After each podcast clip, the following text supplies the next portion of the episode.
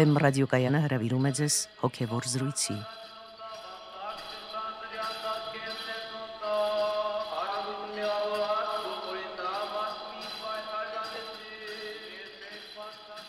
Բարև ձեզ բարեկամներ։ Ձեզ հետ Մանուկ Երգենյանն է։ Այսօր մենք շարունակում ենք մեր զրույցը Տեր Մեսրոպ Քահանա Արամյանի հետ ուղափառության վերաբերյալ։ Այսօր մենք կենտրոնանանք ավելի շատ ուղափառ հոգեկեցության եւ բարոյականության խնդիրների վրա։ Տերար իհարկե քրիստոնեությունը ուսուցանում է ընդհանուր եւ որոշակի բարոյականություն եւ վարքագիծ, բայց մարդկանց տարբեր խառնվածքները, տարբեր մշակույթներին պատկանելը Կրթական մակարդակները պայմանավորվում են որոշակի նուրբ հոգևոր երևույթների վերաբերյալ տարակարծություններ։ Այդ նուրբ հոգևոր օրինաչափությունները իմանալը նաև շատ կարևոր է կեղծ կամ պսևդո հոգևոր վիճակներից խուսափելու համար։ Այդ շեղումներից խուսափելն իսկ կարծում եմ կարելի է անվանել ուղղափառ վարք։ Որո՞նք են ուղղափառ վարքի կամ հոգեկեցության հիմնական սկզբունքները։ Այս հարցին պատասխանելու համար թերևս պետք է ասել թե ընդհանրապես ինչ է քրիստոնեությունը իրենից ներկայացնում դա շատ ընդհանուր հարց է դա նույն հարցն է որ հարցն է ընդհանրապես ինչ է քրիստոնեությունը իրենից ներկայացնում բայց թերևս կարելի է որոշ սկզբունքների մասին խոսել։ Դեր էր օրինակ կա, ասենք բողոքականություն, կա կաթոլիկ ի վերջո ամեն մեկը ինչ որ հոգեկեցություն ունի, հավատալով ընդհանուր ճշմարտություններին։ Բայց կան այդ նուրբ հոգևոր վիճակները, որոնք որոնցով տարբերվում է ուղափառ վարքը։ Ես հասկանում եմ, թե դուք հարցը ինչի մասին եք ուզում տալ, եւ այստեղ իհարկե պետք է յուրաքանչյուր երևույթի մասին առանցին առանցին խոսել ի վերջո նաև կան շատ մեծ ընդհանրություններ եւ նույնիսկ այդ ընդհանրությունների մասին, երբ որ մենք խոսում ենք հոգեոր կյանքի ընդհանրությունների մասին, մենք պետք է հասկանանք, որ դա էլ ուղափառ գիտակցության անհրաժեշտ բաղկացուցիչ մասերից է, այսինքն ուղափառությունը ոչ միայն տարբերությունների մեջ է, այլ նաև ուղափառության ծիրի մեջ կարող են լինել շատ ընդհանուր բաներ Ես նորից կարծում եմ, որ հարցը շատ ընդհանուր տրված հարց է, բայց կարելի է խոսել այդ հարցի մասին։ Եթե մենք պետք է առանձնացնենք որոշակի սկզբունքներ, ապա կարելի է առանձնացնել նախ եւ առաջ խոնարհության սկզբունքը, օրինակ ուղափառ գիտակցության մեջ դա շատ կարևոր սկզբունք է կարելի է առանձնացնել Աստծո երկյուղը, կարելի է առանձնացնել մեղքի գիտակցությունը, կարելի է առանձնացնել ուրեմն սերը մարդկանց նկատմամբ եւ այլ շատ կարևոր սկզբունքներ աստվածպաշտական կարևոր սկզբունքներ, որոնցով էլ կառուցվում է ընդհանուր աստվածպաշտական այդ համակարգը։ Տերար, ես կառաջարկեի կոնկրետ ձեր առաջարկած այդ սկզբունքները ամեն մեկը առանձին առանձին քննարկել։ Նախ կուզենայի քննարկեինք մեղքի գիտակցությունը։ Շատերի համար սա խրտնեցնող է։ Ես պիտի անընդհատ ապրեմ այն մտքով, որ ես մեղավոր եմ, մեղավոր եմ Արդյոք սա կոմպլեքս չի դառնում։ Միթե քրիստոնեությունը չի եկել ուրախություն, երջանկություն պարգևելու մարդկանց։ Ավելի ճիշտ չէ կենտրոնանալ մեղքի նկատմամբ Քրիստոսի հաղթանակի վրա եւ մեր կատարելիք բարիքների վրա։ Հենց դա էլ ուսուցանում է եկեղեցին, բայց եկեղեցին նախ եւ առաջ ասում է, որ հասնելու համար այդ ուրախությանը, հասնելու համար այդ երանելի վիճակին, այդ ճշմարտությանը, դու պետք է ունենաս մեղքի գիտակցություն որովհետև առանց սեփական մեղքերը ճանաչելու, առանց այդ մեղքերի վտանգը հասկանալու եւ դրանցից ձերբազատվելու հնարավոր չէ լույսի մեջ մտնել։ Սա շատ կարեւոր է, բայց նույնիսկ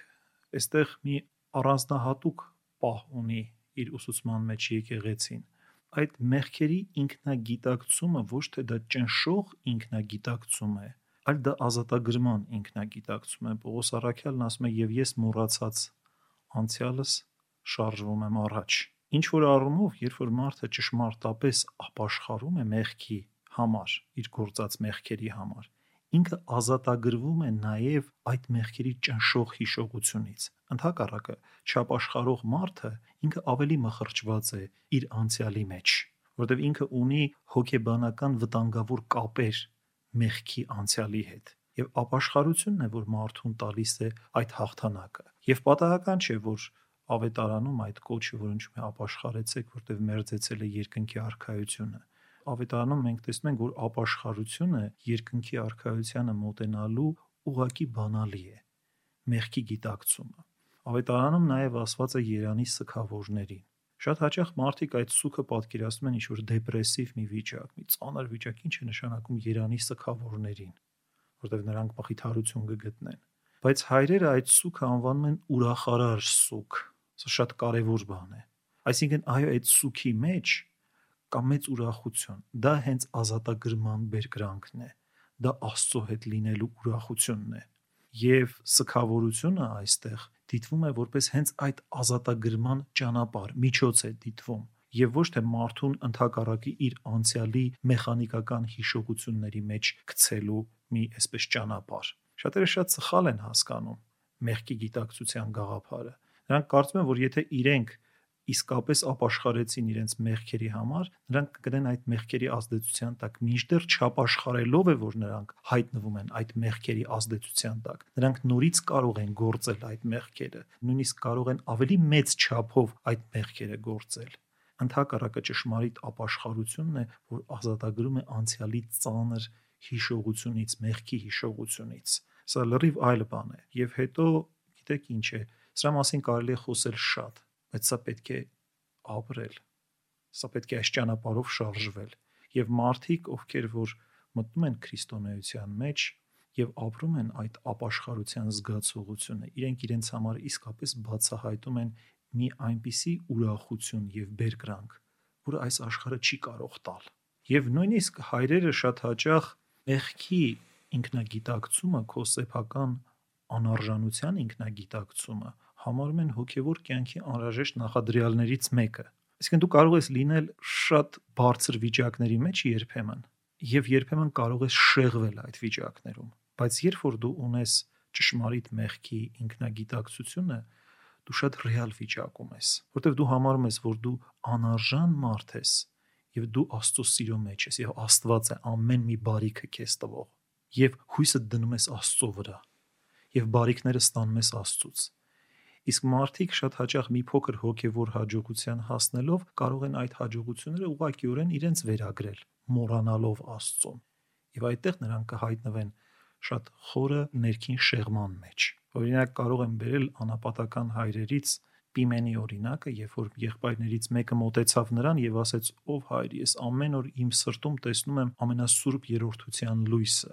Եվ Սուրբ Պիմենը պատասխանեց նրան. Երանի դու քո սրտում տեսնեիր քո մեղքերը, որովհետև այն մարդը, որը իսկապես տեսնում է իր մեղքերը, նա ճշմարիտ խոնարհության մեջ է։ Այդ մարդուն շատ դժվար է հանել հոգևոր հավասարակշռությունից։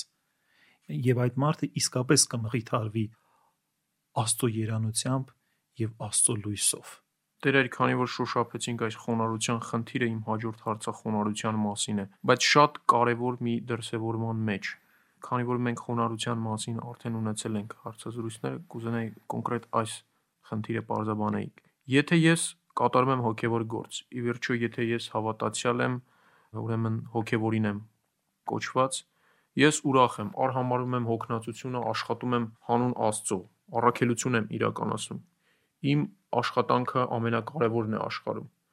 Չեք տեսնում արդյոք շատ նուրբ եւ քողարկված հպարտության վտանգ այստեղ ցանկացած բարի բան, որ մեր մեջ կատարվում է,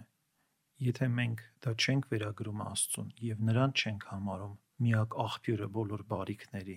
մենք անարգում ենք Աստծո տված բարիքը, մենք անարգում ենք Աստծուն եւ հայտնվում ենք հավատքից դուրս վիճակում։ Սա հատկապես լինում է այն պարագաներում, երբ որ մարդը սկսում է աշխատացնել իր եսը։ Այսինքն սկսում է բոլոր բարի բաները, որ իր մեջ կատարվում են, վերագրել իրեն։ Այս է պատճառը, որ եկեղեցու հայրերը հպարտությունը հատկապես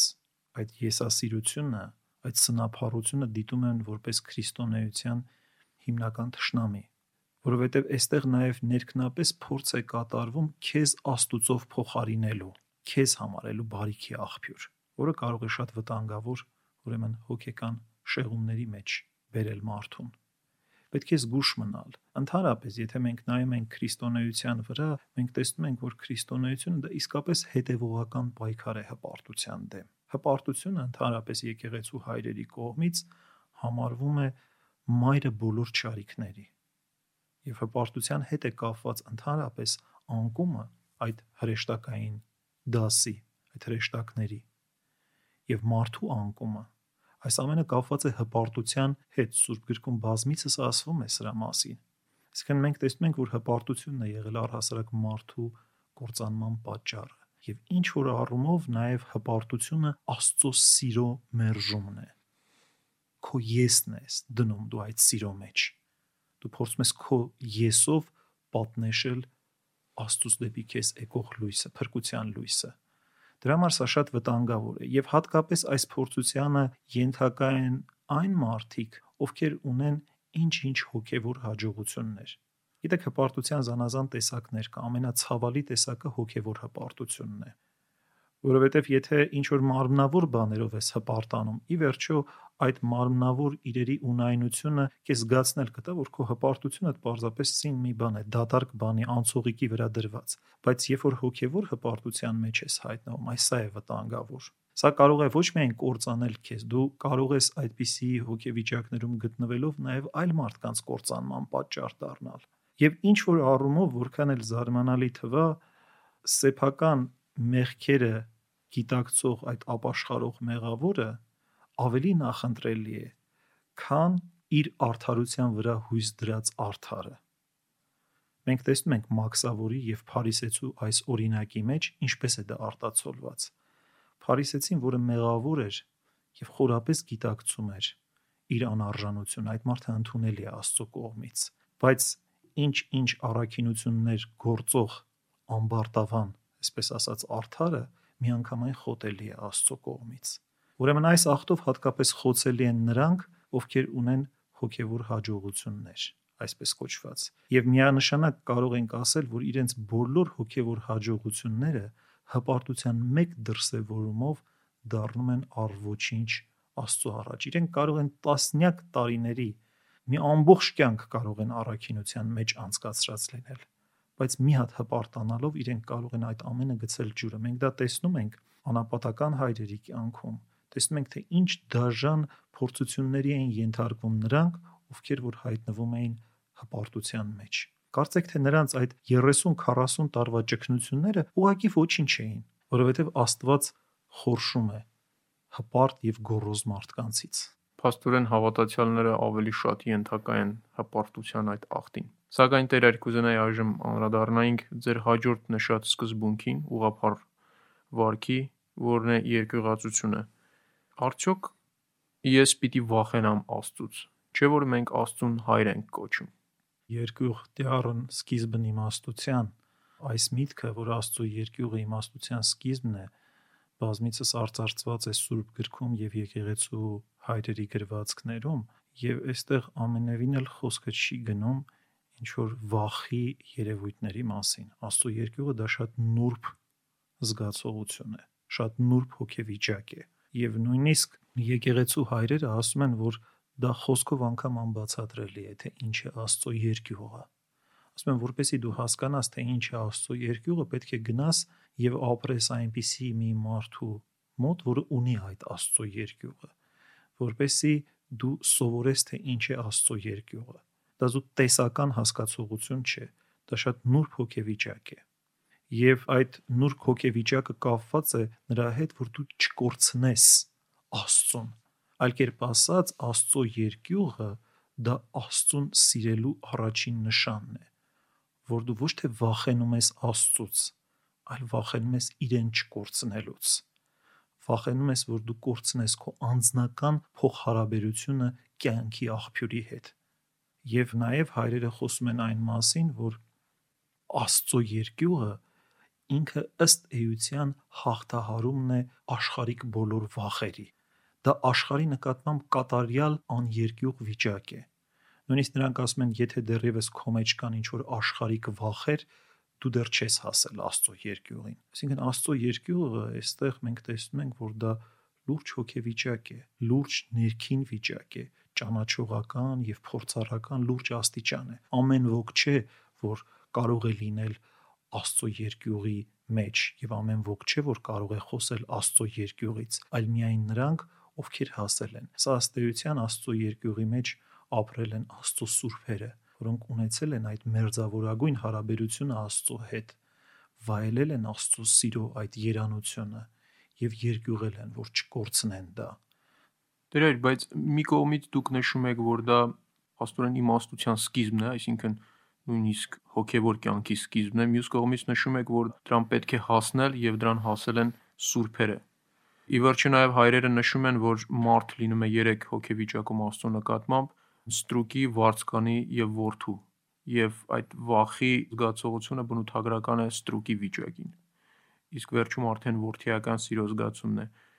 Արդյոք դա սկիզբն է, թե վերջն է։ Դա եւ սկիզբը եւ ճանապարհը եւ նույնիսկ կարող եմ ասել, որ վերջնական վիճակի մեջ հայրերը նաև ասում են, որ հենց այդ երկյուղն է, որ վերածվում է սիրո, այսինքն եթե սերը համարում ենք քրիստոնեական կյանքի գերագույն վիճակը եւ գերագույն նպատակը, ապա ասում են, որ երկյուղն է, այդ սկզբնական երկյուղն է, որ ի վերջո վերածվում է սիրո, բայց սկզբնական վիճակում նույնիսկ այդ ստրուկի, այսպես ասած, հոգեբանության մեջ ոչ թե դա պետք է տարածիորեն ընկալել։ Այդպիսի իրավիճակում երկյուղը կարող է դիտվել երկյուղ Աստծո պատվիրանների նկատմամբ, երկյուղ Աստծո օրենքի նկատմամբ։ Այսինքն դա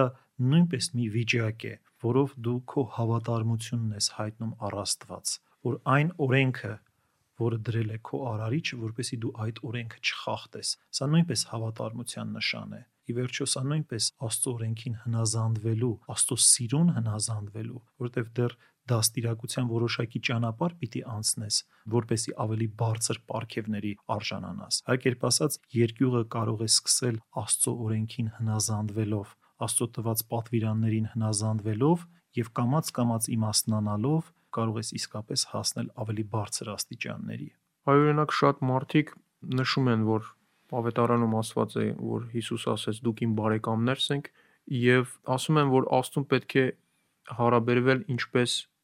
մի անձի, այսինքն ինչպես մեկ ուրիշ անձի ենք հարաբերում, այսինքն մերձավորի որպես։ Եվ շատ ժամանակ նույնիսկ գրում են ծայրահեղության, որ Աստված իմ ընկերս է։ Արդյոք նմանատիպ վերաբերմունքի մեջ կա երկյուղ։ Գիտեք, ընդհանրապես ես պետք է ասեմ, որ բողոքական ընդհանրապես մտածելակերպը շատ լուրջ դեֆորմացրել է մարդկանց հոգևոր անկալումները, եւ այդպիսի դեֆորմացումներից մեկն էլ պետք է դիտել դա դա ոչ թե ներքևից դեպի վերև պետք է կատարվի, այլ վերևից դեպի ներքև, ըստ Աստծո շնորի, ներթափանցման աստիճանի։ Այո, մենք կարող ենք լինել Աստծո բարեկամները, Աստծո սիրելիները, Քրիստոսի ժառանգակիցները, բայց դա շնորով է, դա մեզանով չէ դա պարգև է։ Երբ որ մենք մեզանով ենք փորձում անել, ըստ մարմնի եւ արյան ենք փորձում անել, այստեղ արդեն շատ վտանգավոր մենք վիճակի մեջ կարող է հայտնվենք։ Այսինքն դա մենք չէ, որ պետք է անենք, այլ դա Աստծո շնորհն է, որ անում է մեր մեջ եւ մեզ դարձնում է այդպիսին։ Մինչև Աստծո շնորհի գալը եկեղեցու հայրերը ասում են, որ դու պետք է լինես հնազանդության մեջ։ Մինչև տանտիրոջ գալը, երբ որ կգա տանտերը եւ կտանի քեզ իր ուրախության մեջ, դու կլինես արդեն այդ Աստծո կատարյալ ուրախության մեջ։ Դա արդեն իր գործն է։ Մինչ այդ պետք է խոնարհություն ունենալ Մինչ այդ պետք է չփորձել Աստվածային այդ բարիքների ամբողջությունը քեզ վերագրել։ Գիտեք, շատ հաճախ ասենք երբեմն այդպիսի մտածելակերպի մեջ կարծում եմ, որ Պողոս Արաքյալը կամ եկեղեցու հայրերը իրենց ընկերներն են ուղակի կամ իրենցպես մարդիկ են եղել։ Այսպես այստեղ էլ կա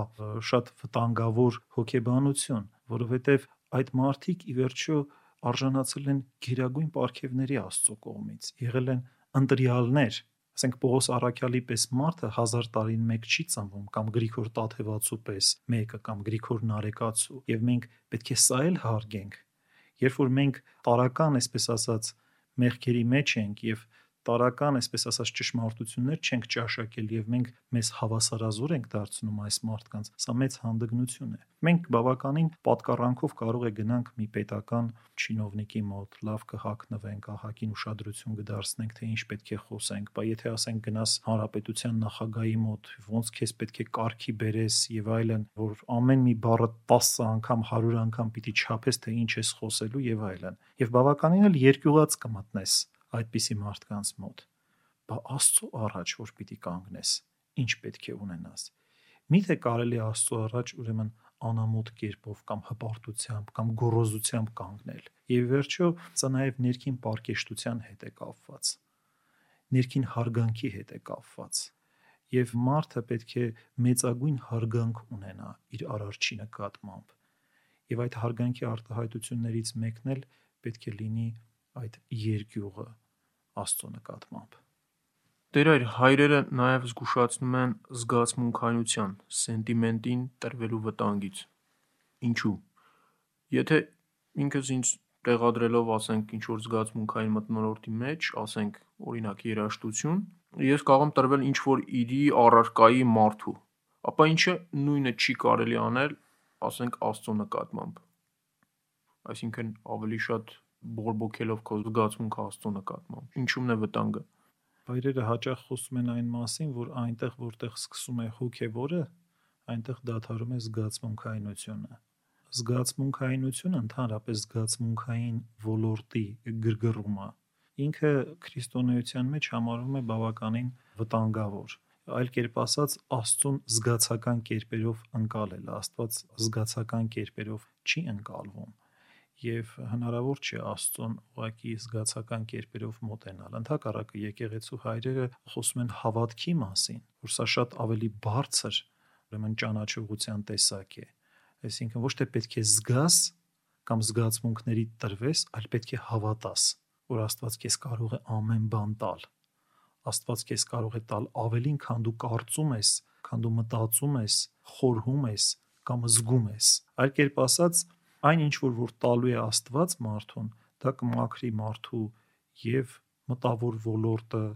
եւ իր, այսպես ասած, ցասմնական ոլորտը եւ իր զգացական ոլորտը, այսինքն Աստծո շնորհը ուղակի մակրագործում է մարդաբանական ամբողջական կառույցը։ Ի վերջո, ասենք ինքը այդ զգացական ոլորտը լինելով մարդաբանական կառույցի զորություններից մեկը կամ ոլորտներից մեկը միակողմանի գրգռված լինելով կամ լինելով շատ ակտիվ ինքը վիճակում կարող է մարդուն տանել այլ տեղ Այլ կերպ ասած, ինքը զգայական ոլորտը բավականին լուրջ վերահսկված ոլորտ պետք է լինի։ Ես նկատի ունեմ բանականության եւ ցասմնական այդ զորության կողմից իմաց այս մասին խոսում են եկեղեցու հայրերը. Երբ որ ինքը ճափից ավելի ակտիվ է մարդկային կյանքում ինքը դառնում է անկառավարելի երբ որ ինքը դառնում է անկառավարելի այլևս մարդը ընկնում է սենտիմենտալիզմի գիրկը իսկ հատկապես սենտիմենտալիզմի միջոցով այսինքն այդ զգացական ոլորտի միջոցով վերցնել հավատքի ամբողջ բեռը հնարավոր չէ։ Իսկն հավատքը պահանջում է, որպեսի մարդու բոլոր մարդաբանական, այսպես ասած, զորությունները, այսինքն իր միտքը, իր սիրտը եւ մնացած բաները հստակորեն աշխատեն եւ հատկապես ինքը, ասենք թե այդ զգացական ոլորտը պետք է լրջորեն վերահսկվի ավելի բարձր կանգնած զորությունների կողմից։ Դերեր, բայց ի վերջո գրված է Աստված սերը։ Իսկ սերը մենք հասկանում ենք որպես զգացմունք առանց զգացմունքի կարող ենք խոսել սիրո մասին։ Ես չէի ասի, որ սերը դա զգացմունք է։ Սերը ինքը անհամեմատ ավելի բարձր բան է, քան զգացմունքը։ Սերը դա լուրջ հոգևոր վիճակ է։ Ինքը ունի իր զգացմունքային արտահայտվածությունը եւ հենց դա էլ կարող է խაფել։ Մարդիկ շատ հաճախ կարող են այդ զգացմունքային խտտանքները, այսպես ասած, շփոթել իրական եւ ճշմարիտ սիրո հետ Աստծո սերը անսահմանորեն ավելի մեծ բան է, քան զուտ այդ զգայական ոլորտի գրգռվածությունը։ Ինքը ունի զգայական ոլորտում իր արտահայտվածությունը, սերը, բայց նույնիսկ այդ դեպքում ինքը պետք է լինի բաղկացուցիչ մասը ավելի մեծ սիրո։ Եթե ինքը գործեց ինքնուրույն, ինքը տանելու է մարդուն ուրիշ տեղ։ Ինքը մարդուն տանելու է մարմնական սիրո, իսկ մարմնական սերը դա չի կարող լինել կատարյալ սեր։ Մարդկային սերը, երբ որ մենք խոսում ենք սիրո մասին, ինքը շատ ավելի բարձր բան է, քան անասնական սերը, որովհետև այդպիսի սերը ստեյության նաև կենթանիները ունեն։ Բայց մարդը լինելով բանական էակ, լինելով Աստծո սերը ճաշակող Աստծո հետ հաղորդակից էակ, ինքը սիրո շատ ավելի բարձր վիճակներում կարող է լինել։ Եվ ի վերջո ավետարանի չի ասում որ սերը հենց ինքը Աստված է Իսկ Աստծո մեջ չկա զգայականություն, չկա զգացմունքայինություն։ Ուրեմն մենք տեսնում ենք, որ սերը դա մի բացառիկ բան է, դա բացառիկ նաև ապարքև է մարդուց Աստծուն տրված, դա բացառիկ առաքինություն է, եւ դա ընդհանրապես վերապահել զգայական ոլորտին, դա այդքան էլ ճիշտ չէ։ Իհարկե, դերեր մենք շատ ժամանակ սերը խառնում ենք կրքի հետ։ Նույնիսկ մարդիկ շատ ժամանակ երեխայի նկատմամբ սիրո մեջ գիրք են դնում։ Դա կարող է լինել նույնիսկ սեփականատիրական, ստեղծագործելու, հաջողության հասնելու վրա հիմնված ինչ-որ մի գիրք։ Հայրերից շատերի մոտ կարելի է հանդիպել հետևյալ արտահայտության, թե սերը հասանելի է միայն բացարձակ անկրկության վիճակում, այսինքն կարող ես խոսել սիրո մասին միայն եթե հասել ես անկրկության վիճակին։ Մեզ այդ վիճակը դեռ հասանելի չէ եւ նույնիսկ չենք էլ մտածում, որ կարող ենք հասնել այդ վիճակին բայց ինչ է դա նշանակում մենք միթե ի վիճակի չենք ճաշակելու սիրո այդ երևույթը իհարկե մենք ի վիճակի ենք եւ Աստված իր լույսը ցակեցնում է բոլորի վրա Աստվածային սիրո լույսը թափանցում է մեր հոգիների մեջ ես ուզում եմ ասել որ սիրո ըմբռնումը սիրո խոր ըմբռնումը դա հոգեվոր ըմբռնում է դա հոգեվոր զգացողություն է Երբ որ ասում եմ զգացողություն, պետք չի դա հասկանալ զգացմունքայնություն։ Դա հոգևոր վիճակ է եւ մարդը այստեղ մենք պետք է ասենք, որ ընդունակ է սիրելու։ Նույնիսկ իր երեխայի նկատմամբ սիրո մեջ կարող են լինել նաև բարձր սիրո շերտեր։ Բայց քանի որ մարդը մշտապես տրված է այդ կրքերի, մեղքի եւ այլն, ինքը սկսում է այն, որը բնականորեն նրան տված էր, որպես դաստիարակ եւ ուսուցիչ սիրո, որպես ինքը չշփոթվի այս աշխարհում այլ բաներով։ Ինքը սկսում է նույնիսկ այդ սիրո պատճառը, որը կարող է իր երեխան լինել, ինքը կարող է նույնիսկ այդ սիրո պատճառը սխալ կերպով իրագործել եւ գիրք դնել դրա մեջ մեղքի գիտակցությամբ մոտենալ փչացնել այն որը աստծուց թերևս տրված էր նրա համար որ ինքը ճշմարտապես լինելով դրա մեջ ավելի բարձր սիրո արժանանա որտեվ մեղքը խորապես թափանցել է մարդկային կյանքի մեջ, դեֆորմացրել է մարդկային կյանքի բոլոր ընկալումները եւ հատկապես սիրո ընկալումը որտեվ սերը հոգևոր գիտակցության բանալին է, ճշմարիտ սերը։ Եվ խփելով այդ կետին, վերացնելով այդ բանալին, չարը մեծ ավերածություններ է գործում։ Տեսեք ինչքան հաճախ է այսօր այդ ծեր բառը օգտագործվում։ Թերևս ամենադեֆորմացված, այսպես ասած, անկալումը այսօր է սիրո։ Ամեն ինչ ինչ կա, չկա սեր են անվանում։ Նույնիսկ սեր են անվանում այդ կույր սեքսը, որը զուտ մարմնասիրության համար է, զուտ Այսօր դա է ռեկլամվում։ Այսօր այդ մոդելն են փորձում մարդկանց մեջ դնել։ Այստեղ մենք տեսնում ենք նաև լուրջ հոգևոր վտանգ, որ փորձ է արվում ուրեմն նույնիսկ այդ բառը իր իմացքային ընկալումներով աղավաղել մարդկային գիտակցության մեջ, որպեսի մարդը հեռանա ճշմարիտ սիրուց։ Դեր այդ ի վերջո մի բան հասկացանք, որ ուղափառ վարքի այս բոլոր սկզբունքները ամբողջանում են սիրո այդ պատվիրանի մեջ եւ մեր վարքը պետք է ամբողջովին ներծծված լինի այդ սիրով։ Ես շնորհակալություն եմ հայտնում այսօրվա հարցազրույցի համար եւ հիշեցնում, որ իմ զրուցակիցը Մեսրոպ Քահանա Արամյանն էր։ Մենք խոսեցինք ուղափառ վարքի եւ բարոյականության մասին։